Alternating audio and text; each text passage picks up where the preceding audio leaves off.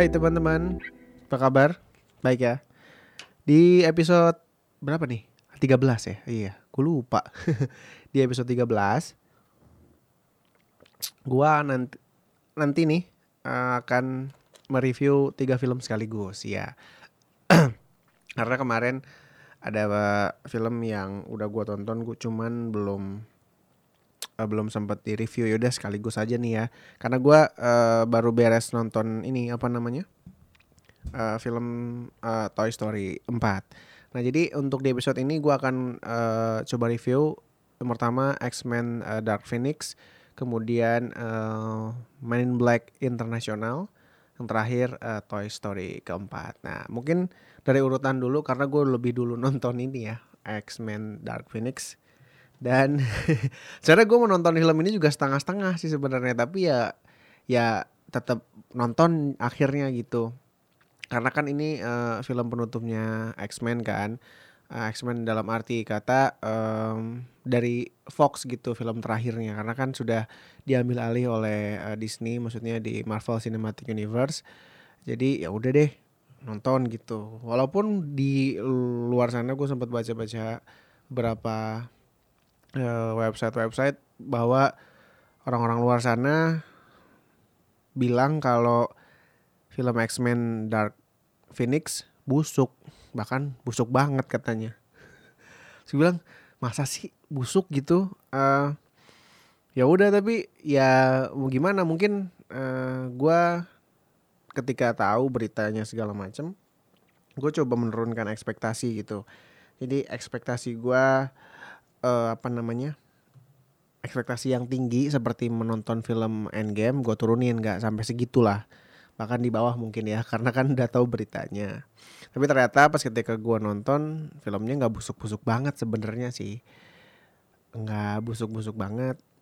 Hmm, lumayan sih. Maksudnya ada beberapa bagian yang akhirnya menolong uh, film X-Men Dark Phoenix gitu. Dan kalau dari cerita sebenarnya eh, ini kan lanjutan dari yang kemarin ya dari yang X-Men Apocalypse. Karena kan di era di era yang baru hmm, eranya James McAvoy kan ada First Class, The Day of Future Past, terus Apocalypse dan yang terakhir ini adalah Dark Phoenix. Kalau ngomongin soal cerita ini adalah eh, soal ini sih soal Jean Grey yang akhirnya mendapatkan kekuatan secara tidak sengaja ya secara tidak sengaja eh, menjadi Dark Phoenix gitu. Disebut jadi Dark Phoenix Eh, kekuatannya didapetin ketika dia menolong se kumpulan astronot yang sedang ada misi segala macam lah ya. Terus akhirnya ada kayak flare gitu suar dari matahari nggak ngerti deh pokoknya. Akhirnya eh, si cahaya ini masukin ke Jean Grey dan akhirnya Jean Grey mendapatkan kekuatan yang hebat sekali yang nggak nggak bisa eh, dia kontrol yang mana juga kekuatan ini mengakibatkan marah bahaya gitu. Dan ini misi-misinya adalah menyelamatkan Jean Grey atau apa namanya ya membuat Jean Grey supaya bisa mengontrol ini kekuatan gitu. Kurang lebih emang ini fokusnya sama Jean Grey sih gitu. Ya oke. Dan kenapa mungkin film ini dibilang busuk ya di luar sana gitu? Karena memang menurut gua sebagai eh, film penutup nggak nggak ditutup dengan manis gitu maksudnya ya. Hmm, beda sama sama Endgame gitu sama Avengers gitu. Tidak ditutup dengan manis. Eh, ba- banyak hal banyak hal. Seperti eh kayak apa ya? Kayak ceritanya. C- eh, dari sisi penjahatnya dulu. Sisi penjahatnya kan diperankan oleh eh, Jessica Chastain. Namanya siapa sih? Volux kalau apa nggak salah ya. Dia alien gitu akhirnya menyamar jadi manusia dan musuh sebenarnya yang juga sebenarnya ingin merebut eh, kekuatan Dark Phoenix ini yang ada di eh, siapa namanya Jean Grey gitu. Padahal gue lihat ya Sophie Turner sebenarnya eh, sudah memerankan maksimal sekali memerankan karakter Jean Grey. Maksud gue actingnya udah udah luar biasa sekali. Tapi nggak tahu kenapa mungkin dari segi dari dari dari kekuatan apa ya cerita skenario nya yang memang nggak bagus yang akhir yang akhirnya kayak eh, nggak nempel aja gitu. Eh, kita jadi nggak bisa empati karena karena memang genre ini kan kita tahu eh, apa namanya mungkin kalau nonton film eh, X-Men atau mungkin lo baca komiknya Jean kan eh, salah satu mutan yang memang apa namanya ya uh, lumayan kalau emosional gitulah maksudnya. Uh, dari sisi emosionalnya tuh agak labil dan dia juga ternyata kan punya masa lalu yang cukup kelam yang yang apa namanya yang dibilang bahwa sebenarnya orang tuanya meninggal padahal enggak dia emang orang tuanya meninggal pengen si Jean Grey nggak diurus lagi karena emang udah aneh-aneh aneh nih gini gini anakku punya kekuatan apa segala macam malah bikin bahaya gitu. Nah di sini kita melihat kelamnya masa lalunya dia nggak terlalu ikut simpati atau empati nggak ikut masuk ke dalam ceritanya nggak dapet emosionalnya gitu terus juga Jennifer Lawrence uh, sebagai mistik juga yang terlihat menggebu-gebu sekali gitu kayak kelihatan leader banget di sini. Uh, gue juga nggak karena gue kenal mistik kan emang sidekicknya Magneto ya gitu ya. Uh, antek-anteknya tangan kanannya Magneto gitu. Kan sini kelihatan kayak ngerasa superhero banget gitu. Um, gue nggak tahu ya memang uh, kayaknya akhir dari Jennifer Lawrence juga sih sebagai mistik gitu. Kita nggak tahu nanti di era MCU X-Men seperti apa karena memang di sini mati. Mistiknya nggak apa gue spoilerin juga ya kalau misalkan uh, lo denger mati. Dan kita juga harusnya kan memang mistik nih kan dari era pertama adalah maksudnya barengan sama uh, Profesor X kan istilahnya ini teman kecilnya gitu. Cuman ketika mati dramanya nggak tahu kenapa nggak dapet aja gitu. Mati mati weh udah. Terus terus juga ya ketika mati hmm, dia tuh kayak kayak ketusuk gitu ketusuk sama kayu.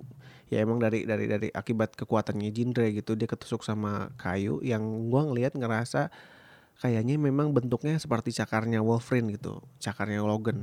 Ya menurut gua nih ya ini kayak menggambarkan bahwa mistik mati hmm, uh, maksudnya Wolverine Logan kan uh, maksudnya Logan menggambarkan nih menurut gue ya Logan kan menggambar uh, Logan itu uh, sudah nggak akan dimainkan lagi Hugh Jackman. Jadi cakar Wolverine ini yang nusuk di perutnya. Si Jean Grey menggambarkan bahwa si si Jennifer Lawrence juga kayaknya nggak akan mainin mistik lagi di film X-Men selanjutnya gitu. Kayak kurang lebih seperti itu. Ngerti gak sih lo maksud gue yang kayak Easter egg Easter egg gitu. Kayak ada kode-kode di film Da Vinci Code. Oh itu maksudnya. Jadi kayak ini sama lah kayak Hugh Jackman gitu dia juga udah nggak akan main cuman digambar di, dikasih kodenya dengan cakar.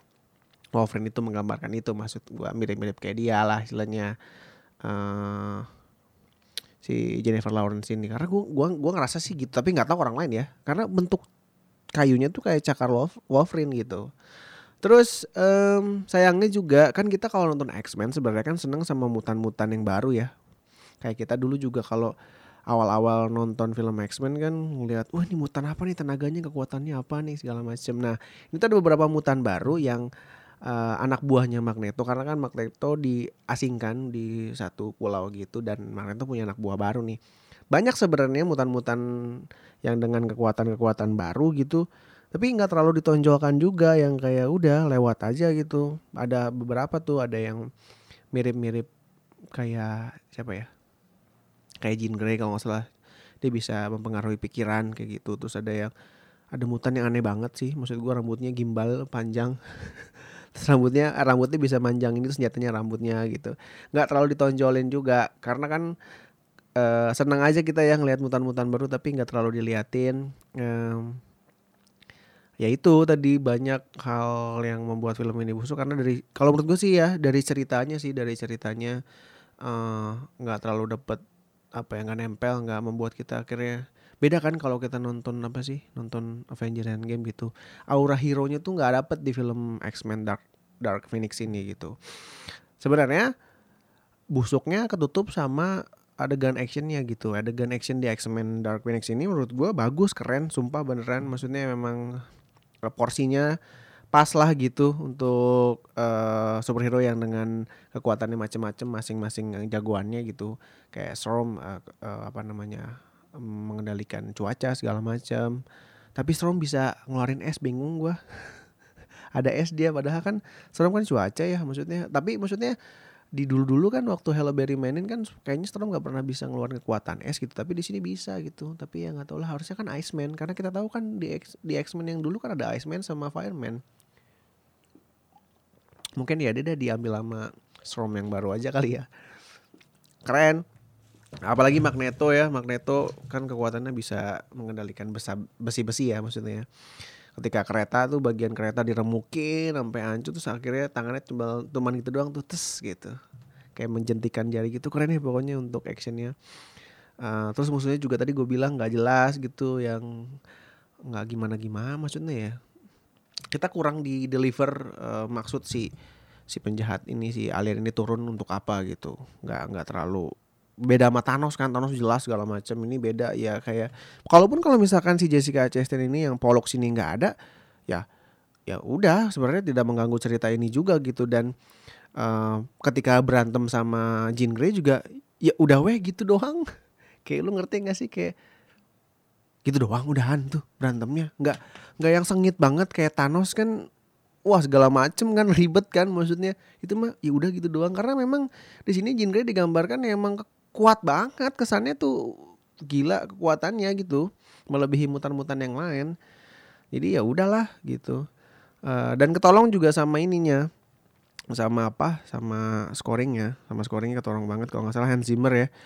Uh, membuat film X-Men menjadi epic lah dalam sisi scoring tidak dalam keseluruhan film Dan kayaknya Simon Kinberg juga gagal lagi karena kan gua kalau lo lihat track recordnya X-Men ya dari dulu dari eranya yang lama sampai sekarang yang baru tuh nggak terlalu oh, didominasi bagus gitu. Kayak ada naik turun naik turun gitu. Kayak yang dulu juga kan The Last jelek, nggak bagus-bagus banget. Terus uh, datangnya era baru X-Men First Class lumayan ketika masuk yang kedua The Day of Future Past tuh bagus banget keren. Turun lagi di X-Men Apocalypse dan sekarang X-Men Dark Phoenix ya turun lagi gitu. Jadi sayang aja gitu dan kayaknya Simon Kinberg kan sebelumnya juga uh, di Last kan dia ikut andil. Cuman kayak yang mau apa sih membayar gitu itu semua nih kan film akhir nih dulu di Stand gue gagal sekarang gue juga mau coba lagi tapi tetap gagal. Ya gimana dong? Ya gitulah ya. Tapi kalau misalkan lu mau nonton belum nonton nih denger ini nggak apa-apa nonton aja lumayan. Bisa lihat superhero berantem dengan kekuatan macam-macam seru kok seru untuk uh, part-part berantemnya ya gitu. Dan gue ngasih skornya uh, karena adegan actionnya bagus skornya juga membantu 6 per 10 gue ngasih untuk X-Men Dark Phoenix oke okay? itu yang pertama yang kedua uh, filmnya yaitu Man Man in Black ya Men in Black International. Men in Black International. Uh, ini juga kurang lebih sama kayak film X-Men Dark Phoenix. Gue sebelum nonton, gue cari-cari dulu kan, searching-searching dulu nih. Orang-orang luar nonton X, uh, Men in Black International gimana tanggapannya? Sama juga dibilang busuk segala macem bahkan Rotten aja ngasih 23% loh gue gue bilang. Dan gue masih nggak percaya tetap kan? Karena kan kasusnya sama kayak X-Men Dark Phoenix gitu kayak ah masa sih? Ah gue coba lagi nonton kan? Ah belum tentu gitu. Di gue belum tentu seburuk itu kan. Mungkin memang orang-orang luar sana standarnya terlalu ketinggian memang. Akhirnya gue tonton dong Men in Black Internasional uh, ternyata iya begitu. Tapi memang nggak bisa dibilang busuk-busuk banget sih. Nggak bisa dibilang nggak bisa nggak bisa dibilang busuk-busuk banget buat gue ya. Um, untuk uh, film Men in Black Internasional karena menurut gue ini memang krusial sih. Karena kita tahu Men in Black yang dulu eranya Will Smith sama Tommy Lee Jones buat gue buat gue eh, menempel banget gitu uh, uh, apa ya. Ya orang kalau ingat Men in Black ya pasti Will Smith sama Tommy Lee Jones gitu. Ini nempel banget Agent J sama Agent K gitu ya kan ya kalau nggak salah Will Smith J kan ya nempel gitu yang pertama yang kedua terus juga akhirnya beralih ke uh, siapa namanya si Thanos Josh Brolin kan main kan di uh, main Black yang ketiga kan ceritanya itu Agent K waktu muda kan karena alurnya mundur gitu kayak time machine gitu mundur pakai mesin waktu. Nah menurut gue juga lumayan dari segi segi cerita juga di deliverynya bagus gitu. Nah Man in Black sebenarnya Man in Black internasional bisa dibilang ya memang ribut sih. Tapi ada beberapa sebenarnya tidak tidak tidak tidak berhubungan dengan Man in Black yang dulu. Ini emang cerita baru aja. Tapi ada ada ada inilah ada ada beberapa uh, sisi yang emang ditonjolkan di kayak ditayangin aja di film ini. Kayak kantornya Men in Black yang dulu kan pintu yang gede banget kantornya putih semua diliatin kayak kita ngerasa nostalgia aja gitu. Karena memang orang yang mau nonton Men in Black internasional ya pengen dapetin aura yang sama gitu ketika nonton film Men in Black zamannya Will Smith sama Tommy Lee Jones tapi nggak didapetin di film ini cuman ya udah sekedar kangen-kangenan doang gitu. Uh, terus juga ada anjing pitbull yang kecil siapa namanya yang yang bisa ngomong yang jadi loper koran tuh. Ada juga terus dengan mobil yang bisa berubah terus bisa uh, uh, apa namanya bisa jalan dengan kenceng banget segala macam ada. Terus uh, ada juga jadi ada kendaraan baru di Men in Black jadi ada kereta bawah tanah. Maksudnya nggak bawah tanah jadi itu mah. Lewatin tanah lewatin laut segala macam uh, kereta baru bagus sih maksudnya gue kaget wah ini keren nih ada kendaraan baru di Men in Black gitu. Ada motor juga ada motor uh, kereta kereta ini gokil nih. Uh, kan di ceritanya di situ dari New York ke Inggris tuh 16 menit. Wah gokil. Kalau misalkan ada kayak gitu berapa harga tiket keretanya ya? Cuma 16 menit loh. Dari New York ke London. Uh, mantap. Nah kalau dari segi cerita ini ceritanya uh, mirip-mirip kayak yang main Black pertama di mana Agent J akhirnya bisa menjadi uh, agen agent Man in Black ya Nah ini pun sama gitu ceritanya adalah Tessa Thompson, Molly uh, akhirnya harus uh, dari kecil. Jadi ini sempat di di awal film diliatin dulu beberapa 20 tahun yang lalu gitu. Jadi Molly ini adalah uh, si Tessa Thompson ini ngelihat ada agent Men in Black datang ke rumahnya karena ada alien yang masuk gitu terus akhirnya ya supaya ya karena kita tahu kalau Men in Black kan orang-orang kalau udah ngeliat kepaksa ngeliat alien kan di neutralizer ya supaya lupa gitu. Nah si Tessa Thompson ini si Molly ini nggak sempet ngeliat. Akhirnya dia bisa dia ngeliat alien dan akhirnya selama uh, 20 tahun dia menyimpan itu nih ada apa sih nih? Emang alien berarti bener ada nih. Terus dia kayak mencari tahu uh, mencoba cari tahu nih pria-pria berpakaian uh, hitam putih berkacamata hitam ini siapa sih? Terus gue ngeliat bokap gue juga kayaknya lupa akan sesuatu segala macam akhirnya dia riset segala macam ketemu. Nah dimulai ketika Tessa Thompson Molly menjadi agen Men in Black uh, di masa percobaannya dia juga dikasih misi yang mana misinya cukup lumayan berat juga karena ini uh, mempengaruhi uh, apa namanya uh, kehancuran bumi gitu. Kurang lebih seperti itulah cerita. Akhirnya ketemu sama Chris Hemsworth, Agent H gitu. Nah, yang membuat uh, film ini tidak sebagus film terdahulu karena menurut gua chemistry-nya antara Chris Hemsworth sama Tessa Thompson tidak cukup kuat dibanding Will Smith sama Tommy Lee Jones gitu ya. Walaupun memang mereka berdua ini kan udah uh, ketemu udah sering ketemu kan di film-film yang lain gitu. Kayak Thor Ragnarok kan chemistry mereka muncul kan di situ. Yang Valkyrie Valkyrie sama Thor kan di situ. Cuman nggak nggak kebawa di film Man in Black. Maksudnya chemistry yang kuatnya nggak kebawa gitu. Terus kayak ngelihat Thor jadi orang biasa aja gitu. Karena joke jokesnya juga joke jokesnya Thor gitu. Ngelihat Chris Hemsworth Nah, terus gue ngeliat kayaknya Tessa, Tessa Thompson memang sudah bagus sebenarnya sudah sekuat tenaga semaksimal mungkin memerankan uh, Agent M. Karena Agent M mirip-mirip Will Smith kan.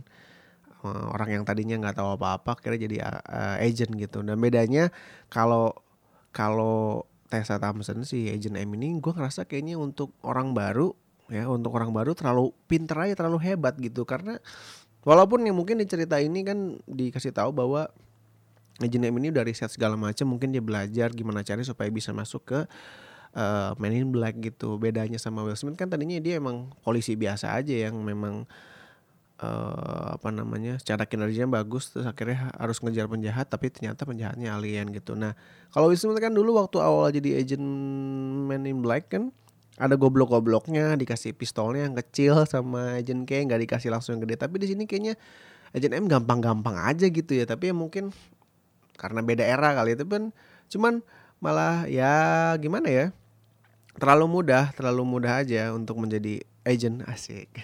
Karena kan gue menonton Men in Black dari pertama ya. Jadi nggak dapet kebodohan. Justru memang kebodohannya memang ada di Chris Hemsworth sih. Tapi ya kurang aja jokesnya juga nggak terlalu. Bahkan kalau ngomongin soal jokes ketolong sama ada karakter alien namanya Pauni kayak bidak catur gitu itu di karakternya diperankan oleh Kumail Nanjiani. Justru komedinya datang dari si Pauni ini. Ketolong juga untuk bercanda-bercandaannya masuk. Jadi ketika kita nonton hampir dua per tiga film udah hampir ya seper ya dua pertiganya tiba-tiba si karakter Paun ini datang kan. Lucu aja jadi ketika awal-awal kita kayak nahan-nahan ketawa mau ketawa tadinya tapi nggak dapet eh ketawa gara-gara si Paun ini gitu. Uh, terus juga penjahatnya juga nggak di apa ya nggak di develop secara baik gitu beda sama yang dulu-dulu. Yang manusia kecoa kan kita tahu ya maksudnya uh, beneran alien yang menyamar jadi manusia. Maksudnya masuk ke tubuh manusia kan. Yang kedua pun yang kayak alien gurita dia juga menyamar gitu jadi manusia. Dan maksudnya normal-normal aja. Tapi kalau yang penjahat sekarang dia menyamar jadi manusia tapi terlalu kuat. Kayak bukan alien maksud gua kayak aliennya tuh nggak kayak yang lain-lain gitu. Nggak kayak yang si manusia kecoa yang gurita yang cewek tuh dia mainin Black kedua gitu. Uh, kayak cahaya gitu berduaan berdua kembar gitu. Terus nggak tahu ngomong nggak apa enggak berantem aja. Terus kayaknya kuat banget gitu. Eh, nggak uh, dibangun secara baik untuk uh, si penjahatnya ini. Ya maksudnya kita juga nggak nempel. Kalau kecoa gue nempel banget. Bahkan nih saking kuatnya karakter villainnya si manusia kecoa gue kalau lagi bercanda-bercandaan sama teman-teman gue nih temen bukan gue yang bilang tapi temen gue gitu ngeliat kecoa anjing. Jahatnya Men in Black nih bilang gitu. Saking kuatnya tuh saking kuat karakter penjahat di Men in Black yang pertama sampai segitunya gitu orang. Nah ini nggak didapetin nggak ada di film ini maksudnya nggak nggak nempel. Uh, terus mati ya udah gitu aja mati gitu. Terus sebenarnya kalau Liam Neeson kan ada di sini juga sebagai agents agents apa ya? High T ya nah kalau Liam Neeson kayaknya cocok-cocok aja sih main film begini. Bagus aktingnya seperti tidak masalah ya dengan Liam Neeson ya. Uh, saya ancungi jempol senior lah gitu ya. Ya uh, itu aja. Kayak terasa flat aja untuk ceritanya sih dari film ini. Film Men in Black internasional. Dan F. Gary Gray ya F. Gary Gray. Uh, sayang tidak bisa membuat film ini menjadi bagus. Karena F. Gary Gray secara track record sebenarnya filmnya lumayan bagus-bagus loh kayak Straight Outta Compton kemudian apalagi ya? Oh iya dia kan sempat sutradara sutradara ini nih kan? Uh, Fate of the Furious kan yang yang ketujuh kan? Itu maksudnya itu juga bagus filmnya. Nggak tahu kenapa ini mungkin ada masalah sama Sony Pictures nggak tahu produsernya gue nggak ngerti. Dan ya udah gue kasih skor aja. Ini lebih bawah sih kayaknya 5 5,8 per 10 untuk Man in Black Internasional sorry itu saya tapi mungkin kalau memang ada lanjutannya ya mudah-mudahan lebih baik lagi. Gitu teman-teman. Nah yang terakhir. Film yang baru gue tonton hari ini uh, yaitu Toy Story 4 Sumpah bro Bahagia gue nonton film ini Sumpah bahagia sekali. Pulang sumringah Pulang sumringah Ketawa-tawa Senyum-senyum sendiri Seperti orang gila saya. Seneng aja nonton film Karena gue besar di eranya Toy Story kan. Toy Story ini tahun berapa sih? 95an lah. Ya 95 Sampai akhirnya berakhir di Toy Story 3 tahun 2010 Dan seneng bahagianya kenapa? Karena kita kan menunggu film ini lama banget. Toy Story kan yang terakhir 2010. Uh, sekarang 2019 butuh 9, ta 9 tahun untuk kita bisa nonton lagi film Toy Story gitu. Dan uh, film ini gua nggak akan spoiler spoiler banyak ya. Karena sayang kasihan gue lu harus nonton beneran deh. Please lu harus nonton. Kalau misalkan lu juga seumuran sama gue besar di era ini lu juga harus nonton dan mungkin sedikit ngasih tahu ceritanya. Ini sebenarnya kalau settingan cerita adalah ya setelah Toy, uh, Toy Story uh, Toy Story yang ketiga kan yang Andy udah gede, udah harus kuliah. Akhirnya Andy harus melepaskan mainan-mainannya ke tetangganya itu Bonnie. Nah, ini adalah kehidupan setelah uh, mainannya Andy ini di di dipelihara, di dipelihara ya? Maksudnya dimiliki oleh si Bonnie ini gitu. Nah, Bonnie akhirnya harus masuk TK-TK dan dia ngerasa minder segala macam. Nah Woody kan ya gitu ya Woody tuh pasti kalau sama uh, ya sama kayak ini sayang banget kan. Begitupun juga Woody uh, sama Bonnie sayang banget. Jadi ya kayak khawatir nanti mentalnya akan down ketika ketemu orang-orang baru dia nggak pede. Nah akhirnya Woody ikut dan uh, Bonnie ini sinopsis doang sih Bonnie punya eh bikin bikin prakarya kayak KTK gitu yang tadinya murung tapi akhirnya dia bikin sesuatu kan disuruh guru juga bikin mainan gitu dari, garpu terus tiba-tiba dibawa pulang hidup nah ceritanya setelah dari si garpu ini hidup namanya Porky Nah akhirnya petualangan-petualangan muncul ketika memang keluarganya Bonnie ini harus jalan-jalan ke karnaval dan uh, semua mainannya ikut dan permasalahannya diawali oleh si Porky yang mau kabur karena dia ngerasa bukan mainan. Itu kurang lebih seperti itulah ya. Untuk sinos sinopsisnya ya sedikit gitu. Takutnya kalau ini ke terusan kasihan gue. Apa namanya? Bocor. Spoiler. Dan ini masih sama diperankan seri Budi masih sama Tom Hanks. Uh, terus ada Keanu Reeves juga di sini, lumayan ya bisa dengar John Wick dalam versi suara tapi kartun. ada Keanu Reeves juga ada, banyak sih nanti gue kasih tahu uh, karakter-karakter baru.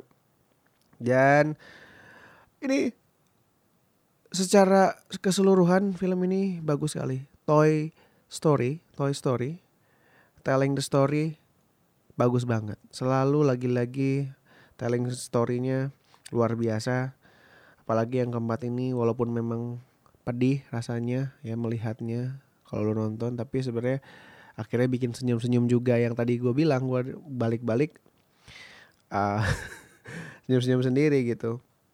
Dan kemudian penuh emosional pastinya kan kalau film uh, Disney ya. Terus juga kita ikut emosional nonton film ini ikutin ceritanya larut dalam ceritanya juga. Terus uh, apa ya penuh nilai-nilai kehidupan gitu banyak banyak banget soal keikhlasan, kebebasan, soal kebahagiaan juga. Gimana cara kita bisa melepaskan sesuatu yang memang harus sudah kita lepaskan. Banyak dari nilai-nilai kehidupan. Makanya kalau nonton film Toy Story sebenarnya nggak cuma buat anak kecil, semua kalangan juga bisa, orang-orang dewasa juga emang harus nonton film ini karena akan terhibur sekali. Apalagi visualnya untuk sekarang bisa dibilang ya makin canggih lah. Karena kan 2019 gitu makin bagus secara visual ceritanya apalagi jangan diragukan lagi gitu. Dan uh, mungkin Nah, gue nggak bisa banyak bilang sih kalau soal Toy Story lo biar lo buktiin sendiri nonton sendiri. Tapi gue akan sedikit cerita karakter karakter-karakter yang baru nih. Apalagi uh, ada dua karakter yang mencuri perhatian sekali. Sin Stealer nama karakternya. Jadi ada dua boneka. Yang satu boneka kelinci, yang satu boneka bebek. Ini diisi suaranya oleh Michael Keegan Key dan juga Jordan Peele. Nah, uh, kalau Jordan Peele jadi Bunny, Bunny itu boneka kelinci. Kemudian untuk Michael Keegan Key sebagai uh, Daki, boneka bebek. Nah, part lucunya di mereka semua. ngakak sengakak ngakaknya tuh pas di part mereka walaupun yang lain juga lucu-lucu maksudnya tapi yang paling pecah paling pecah ketika mereka sudah ada di film ini sudah hadir sudah masuk ke cerita gitu si Daki dan juga Bunny ya eh uh, lucu banget mereka berdua uh, karena uh, apa namanya sutradaranya kali ya si uh, Josh Cooley mungkin memang sengaja memilih uh, Michael Keegan Key dan juga Jordan Peele karena kan ini dua komedian yang chemistry-nya kuat banget gitu. Dan mungkin itu alasannya ya, bisa jadi gitu. Dan kelihatan sekali uh, chemistry yang kuat ditempel di karakter Daki dan Bani uh, sosok boneka yang sebenarnya mereka adalah boneka hadiah untuk di sebuah game-game karnaval gitu. Ngeluh yang nembak-nembak terus hadiahnya boneka mereka gitu. Lucu-lucu absurd. Absurd maksud gue absurd ya. Dan gue kayaknya ngerasa kenapa Jordan Peele jadi Bani jadi kelinci. Karena kan kita tahu di film As di filmnya dia kan ada sosok kelinci itu kayaknya dia kan juga sempat bilang waktu itu di Instagram uh, bilang bahwa sebenarnya kalau kelinci ini adalah sebenarnya bukan binatang. Lo kalau dilihat kan memang looknya kan lucu ya kelinci ini kan. Tapi sebenarnya kalau lihat lebih dalam matanya tuh kosong sebenarnya. Matanya tuh ada mata pembunuh mata psikopat dia bilang gitu kan. Bisa ke situ yang lihat nih dia lihat kelinci ya. Makanya kenapa kelinci ada di film As gitu. Jadi kalau lo melihat lebih dalam lagi ke arah matanya kelinci ini katanya ada matanya Michael Myers yang kosong yang yang, yang sosiopat gitu nah kayaknya semua tersalurkan di di apa? Di Bani. Karena ada nanti uh, part pokoknya matanya si Bani ini mengeluarkan sesuatu aja. Ada ada. Pokoknya lu nonton lu ngakak pasti. Dan ada lagi juga John uh, John Wick ya. Keanu Reeves juga kan mengisi suara juga di karakter baru juga namanya Duck uh, Duck Kabum. Juga lumayan lucu um, terus apa lagi ya uh, oh iya eh, untuk ini kan memang fokusnya sebenarnya untuk ceritanya adalah uh, lebih banyak partnya adalah Woody, Buzz, Buzz lumayan lah dan si karakter yang baru Forky ini yang mainan buatan ini.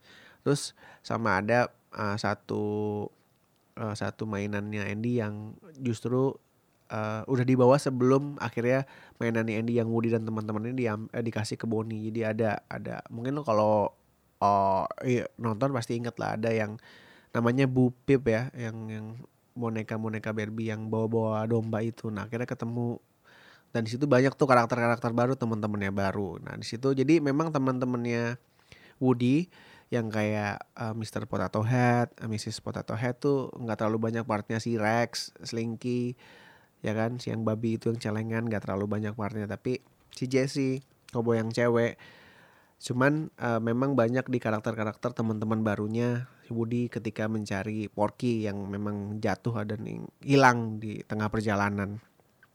Itu uh, kayaknya segitu aja deh ya untuk Toy Story. Pokoknya Toy Story berhasil sekali uh, mengembalikan kesenangan-kesenangan kita apa yang kita dapetin dulu ketika nonton film Toy Story sebelum-sebelumnya satu dua tiga kita selalu seneng nontonnya.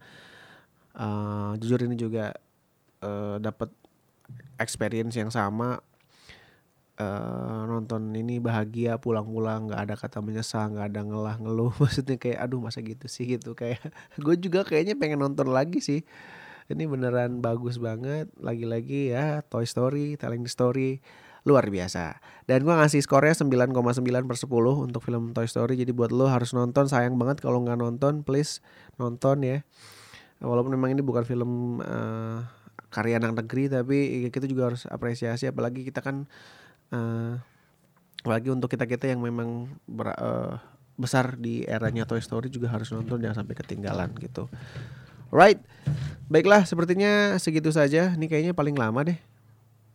Um, podcast gue 32 menit kayaknya ya, tapi nggak tahu deh. Seingat gue nih kayak paling lama karena memang tiga film sekaligus kan. Ya, Baiklah untuk episode 13 di So Review Film Podcast saya sudahi saja dan ketemu lagi di episode selanjutnya. Kayaknya sih nanti gua akan uh, review Annabelle Come Home ya. Film uh, franchise-nya Conjuring Universe gitu. Kita lihat akankah sebagus Annabelle Creation. Ini yang yang sekarang yang sutradara siapa ya? Belum gue cari tahu sih. Ya pokoknya nanti kan yang kemarin kan si Boris Meisher ya yang aduh gue lupa namanya siapa sih nama aslinya. Gue ingat nama YouTube-nya doang tuh ya pokoknya yang dia juga bikin Lights Out lu mungkin kalau denger podcast gue yang mana ya gue sempet bawa-bawa dia. Uh, nanti tanggal 26 Juni Rabu rilis di bioskop seluruh Indonesia untuk film Annabelle Come Home. Kita lihat Uh, eh, gue juga nanti pasti akan review itu. Dan gue juga nggak tahu nih gue nunggu banget sama filmnya Ari Aster yang baru Midsommar. Uh, kemarin udah sempat sempat rilis di luar sana ya untuk premiere dan uh, responnya bagus-bagus bahkan Rotten ngasih 9 berapa ya 93 persen.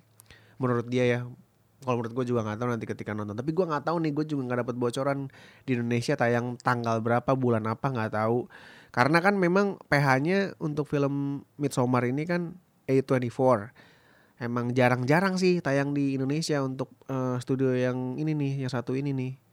Mungkin kalau tayang juga kayaknya cuma di bioskop sebelah gitu bukan di 21 kayak di CGV atau di Cinemax kan kayak Hereditary aja kemarin kan di Cinemax gitu. Aduh gue pengen nunggu banget kayaknya nggak tahu sih tayang kapan. Semoga sih tayang di Indonesia ya untuk film Midsommar. Karena uh, karakter utamanya juga si Florence Pugh iya gue bacanya gimana sih? Florence Puch. Ah nggak tahu lah pokoknya. Pelafalan gue jelek. Pokoknya ada ya, orang Inggris atau aktris Inggris. Gue pertama lihat dia di film Fighting with My Family yang soal uh, biografi uh, pemain Smack Smackdown cewek. Uh, siapa namanya? Lupa gue Page iya Page itu gue lihat uh, pertama kali di situ dia acting bagus dan ini di Midsommar juga mereka uh, dia di uh, di dipuji-puji mirip sama Tony Collette si ibu di Hereditary ya itu dua film horor yang kayaknya akan gue tonton kalau ada tuh yang si Midsommar yang Nabil seperti nonton Baiklah, kalau begitu ya sekali lagi terima kasih teman-teman. Uh, ketemu lagi di podcast selanjutnya. And goodbye.